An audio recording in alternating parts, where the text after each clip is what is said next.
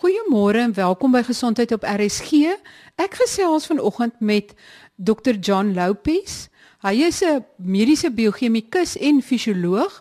Hy is verbonde aan die divisie geneeskundige fisiologie by die mediese fakulteit van die Universiteit van Stellenbosch.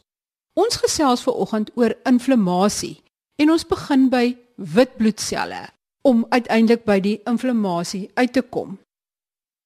Luister hoe mooi verduidelik Dr Lopez die inflammatoriese proses en al die komponente wat daaraan verbonde is, die wit bloedselle en so meer en dat elkeen of 'n baie spesifieke funksie het of dat hulle 'n algemene funksie het. Hy vergelyk dit baie mooi met die verskillende tipe soldate, byvoorbeeld soos ninjas wat sterre sal gooi of boogskieters wat pile sal skiet of uh, soldate wat met gewere skiet met ander woorde van 'n afstand af. En dan is daar die soldate wat absolute fisieke kontak het met die vyand en 'n hand-tot-hand geveg voer. En dan is daar die polisie, spesifieke spesialiseenhede of algemene polisiemanne wat die strate patrolleer. En dan is daar natuurlik ook die border patrol of die grensbewakers. Luister hoe mooi hy hierdie verskillende rolle verduidelik van die verskillende komponente in die inflammatoriese proses. Hier gaan ons. Dr Lopez, is daar net een soort witbloedsel of is daar verskillende witbloedselle en het hulle verskillende funksies? Baie dankie, Marie. Om jou vraag te antwoord, ja, daar is verskeie tipe witbloedselle wat 'n mens kan kry. En sommige van hulle is non-specific en some is baie spesifiek. En wat ek daarmee bedoel is dat sommige van hulle, kom ons sê ons, ons praat oor die spesifieke soorte. Hulle is um, baie gespesialiseerde selle limfosiete wat ons hulle noem en ek kry tipe T en B uh, limfosiete waarvan byvoorbeeld die B limfosiete baie gespesialiseerd is. Hulle sal antigene baie goed kan raak sien en antigene is dit wat wat dit teenoor reageer gewoonlik dinge wat foreign is, dinge wat nie in jou liggaam behoort nie. So hulle sal daarteenoor kan reageer en as ons kyk na limfosiete, die B-limfosiete, hulle maak antiliggame. So hulle is amper soos archers wat of ninjas wat letterlik 'n ster uitgooi of wat ook al om die die prooi aan te val. Die T-limfosiete, hulle is nie so nie, hulle hou van close combat fighting. Hulle sal letterlik in kontak gaan met die selle wat moet vernietig word en hulle sal hulle vernietig. Dan kry jy baie um non-specific tipe witbloedsel. En van hulle is dan jou neutrophile, jou eosinophile, jou basophile en jou monocyte. So alles baie non-specific. Hulle het 'n manier om ek like om na hulle te kyk as hulle is in die polisie, maar hulle sal nie jou special agents wees, hulle sal die gewone polisie werk doen.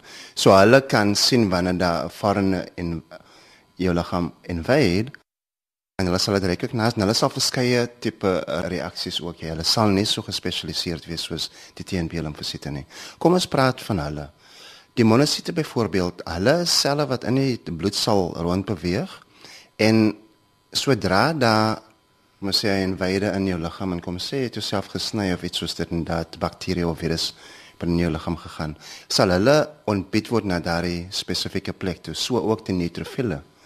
En wat verskillend is tussen die neutrofile en en die die uh, monosite is dat die neutrofile hulle sal eers by die plek van infeksie kom. En hulle sal deur die endoteelselle by die kapillêre oor die kapillêre se wand klim en dan binne die plek gaan waar die geveg nou sal wees waar hulle nou die die invaders sal aanval. Hulle kan binne daardie plek gaan en hulle kan reageer soos makrofaag en hulle kan daai varne gaan verswelg. Hulle sluk hom in basis. En as ons kyk na die monosiete, hulle kan ook daai doen, maar hulle kan dit direk doen nie. Hulle moet eers gaan na die plek van infeksie en ook dieselfde soos neutrofile oor die wand van die kapillêre klim en binne in die weefsel gaan, maar hulle kan nie onmiddellik veg nie. Hulle moet letterlik verander in makrofaag wat dan die um, invader herken en dan verswelg ook. Dan is daar 'n paar ander wat mense ook kry en hulle dis die basophile en die eosinophile en wat ek kan sê van hulle is dat die eosinophile byvoorbeeld hulle sit veral onder die mucusmembrane wat jy mens kry in die gastrointestinal stelsel. Ja, so hulle sal border patrol doen. En hulle sal gewoonlik daar sit en dan sal hulle kyk sodra daar enige iets inkom en hulle teken meestal wurms. So daar 'n wurminfeksie kry, sal hulle nie een vir een nie, maar hulle is amper soos 'n groep honde. Hulle sal letterlik op 'n wurm gaan spring en almal sal te gelykertyd dan begin eet in daai wurm en in hom verswel, soos wat 'n makrofaag sal doen ook. Maar hulle teken meestal hierdie multisellulêre infeksies. Wat is die hoofrol van witbloedselle? So witbloedselle, hulle hoofrol is om infeksie dan te uh, oorkom. So sodra jou liggaam geïnfekteer word deur enige ehm um, bakterie of enigiets, dan sal hulle gaan soek vir daardie bakterium en hulle sal daardie bakterium dan doodmaak. En so daardie bakterium binne in jou selle en wees, sal hulle daai selle wat dan besmet is met die bakterium sal hulle dan ook doodmaak. So hulle veg dan teen die invader maar ook teen die selle wat besmet is deur die invader. So as ons nou 'n infeksie kry of daar's nou 'n 'n vreemde stof in ons liggaam wat daar teen geveg moet word. Dan sien ons baie keer dit word rooi en opgehewe en geswel in daai tipiese inflammatoriese reaksie. Maar wat gebeur binne in die liggaam dat dit so lyk. Kan jy vir ons verduidelik wat gebeur as daai geveg nou aan die gang is dat alles so rooi en woedend lyk? Die rooiheid en die swelsel is absoluut belangrik vir die inflammasie. En inflammasie is iets wat eintlik 'n mens se liggaam help om te herstel, om te wys ook waar is die tekenplek waar die um, indringer is. So wat gewoonlik sal gebeur is soos ek gesê het voorheen, gewoonlik sal die neutrofille en die monosiete na die plek van infeksie gaan. Maar soos hulle ontbied word daar, word hulle ontbied deur spesifieke seine wat afgegee word in daardie plek wat hulle daarna toe trek. Boonbehalwe dit dat hulle daarna toe sal gaan, is daar ook sekere faktore wat na die plek afgegee word deur ehm um, makrofage byvoorbeeld, sou hulle nou die infeksie waarneem eers sal hulle dit dan rapporteer in die res van die immuunstelsel. En dis hoe die neutrofille en die monosiete ontbied word daarna toe. Maar ook saam met dit sal hulle bloedvloei na daardie plek vermeerder as gevolg van die faktore wat afskei en omdat daar meer bloed is wat dan na daardie plek na toe gaan sal dan natuurlik meer bloed uh, wit bloedselle daarna toe gedra word. Die endoteelselle sal ook meer permeable raak So in daardie plek die faktore wat afgeskei word, maak dat daardie endoteelselle meer permeabel raak. Wat bedoel is as daar meer bloed is, gaan daar baie meer plasma uit die bloed uit beweeg oor die endoteelwand van die kapillêre en in binne in daardie besmette weefsel insit. Maar daar gaan nie net plasma nie, daar's ook proteïene. Wat beteken dat daardie proteïene wat nou nie eintlik gewoonlik in daardie weefsel is nie, as gevolg van hulle konsentrasie trek hulle ook die plasma aan. Want plasma is eintlik soos water basies, ja. So jy 'n hele klomp water of plasma wat kollekteer in daardie weefsel en dit is dan verantwoordelik vir die swelsel. Ook die rooiheid is as gevolg van die bloed wat dan nou in daardie uh, area in vermeerder. Dokter Lopes, wat is die faktore wat afgeskei word? Wat is daai ek wil amper sê die biochemiese prosesse wat dan daar plaasvind. Daar's verskeie sitokine wat afgeskei word en sitokine is proteïene wat gemaak word on demand, so te sê. Hulle word nie gestoor nie en gewoonlik word hulle gemaak wanneer hulle nodig is. En in 'n in 'n tyd van infeksie sal makrofage byvoorbeeld as hulle geaktiveer word sodra hulle sien daar's 'n indringer, skei hulle hierdie af. Maar nie net hulle nie, daar's 'n groot kommunikasie wat gebeur tussen baie van hierdie al die selle in die immuunstelsel en hulle gebruik sitokine om met mekaar te kan praat dan. Die proteïene wat die makrofage sal afskei sal dan nou maak dat die endoteelselle in daardie plek meer um permeable raak. Maar behalwe dit, daar's ook ander proteïene wat afgeskei word of gemaak word deur die lewer self en hulle beweeg rond in die liggaam en proteïene soos dit 'n voorbeeld daarvan is byvoorbeeld komplement proteïene. Nou die komplementproteïene hulle hulle baie verskeie funksies wat hulle sal doen, maar hulle sal ook dan reageer soos sitokine. Hulle sal byvoorbeeld na die plek gaan van infeksie, dan sal hulle chemotaxe uh, bewerkstellig. En wat chemotaxe is, is basies 'n reminder baie aan Hansel en Gretel. Dit los 'n uh, 'n paadjie van hulle sal in 'n konsentrasie dependent manner sal hulle dan nou vermeerder na die area van infeksie sodat die selle die witbloedselle wat nou die infeksie area moet herken sal dan daardie volg en dis wat hulle doen nou met betrekking tot chemotaxe. Hulle kan ook maak dat die die membraan van die kapillêre dan nou ook meer permeable raak sodat die die plasma daardeur kan gaan. Basis is daar hele klomp faktore dan wat kan lei tot inflammasie, maar hoe help inflammasie? Inflammasie help een om die immuunstelsel te aktiveer om te sê daar is 'n infeksie om te wys presies waar die infeksie is en dan ook om seker te maak dat daar 'n herstel van die weefsel terselfdertyd as wat daar 'n geveg gebeur. Kan jy so 'n bietjie meer uitbrei oor daai spesifieke immuunrespons? Weet, is dit immunoglobuline wat word daai stowwe genoem en dan hoe herstel die liggaam dan daarvan? Soos wat ek gesê het, dis sitokine en daar's verskeie tipe en sommige van hulle is um pro-inflammatory en sommige is anti-inflammatory. En gewoonlik sal 'n mens dan in daardie geval pro-inflammatory sitokine kry. Die immunoglobuline, hulle is meer spesifiek tot die B-limfosiete. Soos wat ek gesê die B-limfosiete, hulle sal teenliggaampies maak. En dit is die immunoglobuline. Waarvan daar verskeie tipes is. Daar's byvoorbeeld immunoglobulin A, B, E, G etc. Om terug te kom na die herstel van die weefsel, gewoonlik in daardie geval word daar verskeie faktore ook afgeskei.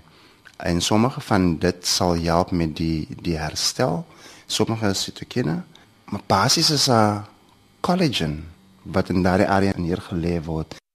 En die die collagen kom van 'n spesifieke tipe sel wat nou nie die immuunsel is nie, maar die fibroblaste sal in daardie area dan ook bymekaar kom en hulle begin globuline afskei. So dit sal dan lei na herstel van die die weefsel in daardie plek. Dis wat gewoonlik vir mense scar tissue sal gee in 'n plek waar jy self gesny het byvoorbeeld. Kan hierdie inflammatoriese reaksies kan dit op enige plek in die liggaam voorkom? Sê maar byvoorbeeld in jou gewrigte in jou bloedvate, by jou hart. En as dit daar voorkom aanhoudend rig dit dan uiteindelik skade aan. Met inflammasie is daar ek het nou gepraat van 'n sny in 'n in 'n wond, maar daar's verskeie dinge wat inflammasie kan kan aktiveer. 'n Mens kry inflammasie wat vir 'n wat baie akut is, is vir 'n kort periode en dis gewoonlik wanneer mens infeksie het en so voort, maar dit moet nie baie lank duur nie. Wat jy mens gewoonlik kry is met anderlike siektes soos diabetes en hartversaking en lupus, rheumatoid arthritis en so voort is daar inflammasie wat in verskeie plekke van jou liggaam voorkom. En dis nie vir 'n kort termyn, dit is vir 'n lang periode wat dit gebeur.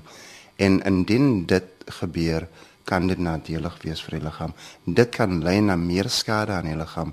Want dan soos ek gesê het is die inflammasie sal 'n indringer aanval, maar ook selle wat geïnfekteer is die indringers. Maar in die geval van hartversaking en so voort is daar nie 'n indringer nie. Die inflammasie is daar en die inflammasie breek die liggaam af dan in plaas van 'n indringer af. Dit klink dan amper soos 'n auto immuunreaksie. En ek verneem dat selfs mense wat asma kry of geneig is tot asma eintlik 'n kroniese laaggraadse inflammasie in hulle longpype kan hê.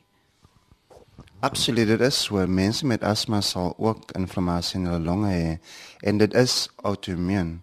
Inflammasie kan geaktiveer word deur outoimmuun afwykings Maar nie net dit nie. Dit dit is baie moontlik dat dit wat 'n mens eet byvoorbeeld ook immuunrespons kan ontlok. Baie mense verkondig 'n anti-inflammatoriese dieet. Kan 'n anti-inflammatoriese dieet help dat jy minder inflammatoriese reaksies in jou liggaam kry? Kan dit 'n effek hê? Die kos wat ons eet kan inflammasie induseer en dit kan dit ook um afskakel. So dit wat ons eet is baie belangrik. En in sommige kere byvoorbeeld as mens kyk na na sommige mense wat nie gluten kan eet nie en dis omdat dit inflammasie aktiveer binne hulle liggaam.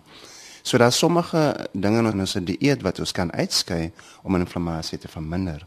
En dan is daar ook sommige dinge wat jy mens kan eet. Nou ek sê 'n nutritionist nie so ek kan nie spesifiek sê wat tipe kos neem. Ek het al gelees dat ginger byvoorbeeld het 'n anti-inflammatoriese effek. O oh ja, vrugte. Baie mense neglect vrugte in hulle dieet. En vrugte is iets wat verskriklik baie anti-inflammatoriese effekte het. Dokter Lopez, as jy een sleutelboodskap moet gee oor die inflammatoriese prosesse in die liggaam, wat sal dit wees? Ek dink dit is baie belangrik dat mense nie inflammasie net ignoreer nie. Dit is 'n sein wat jou liggaam vir jou gee om te sê daar's iets verkeerd en hy probeer dit regmaak. Maar dit moet vir 'n kort periode wees. Dit moet nie oneindig gaan wees nie.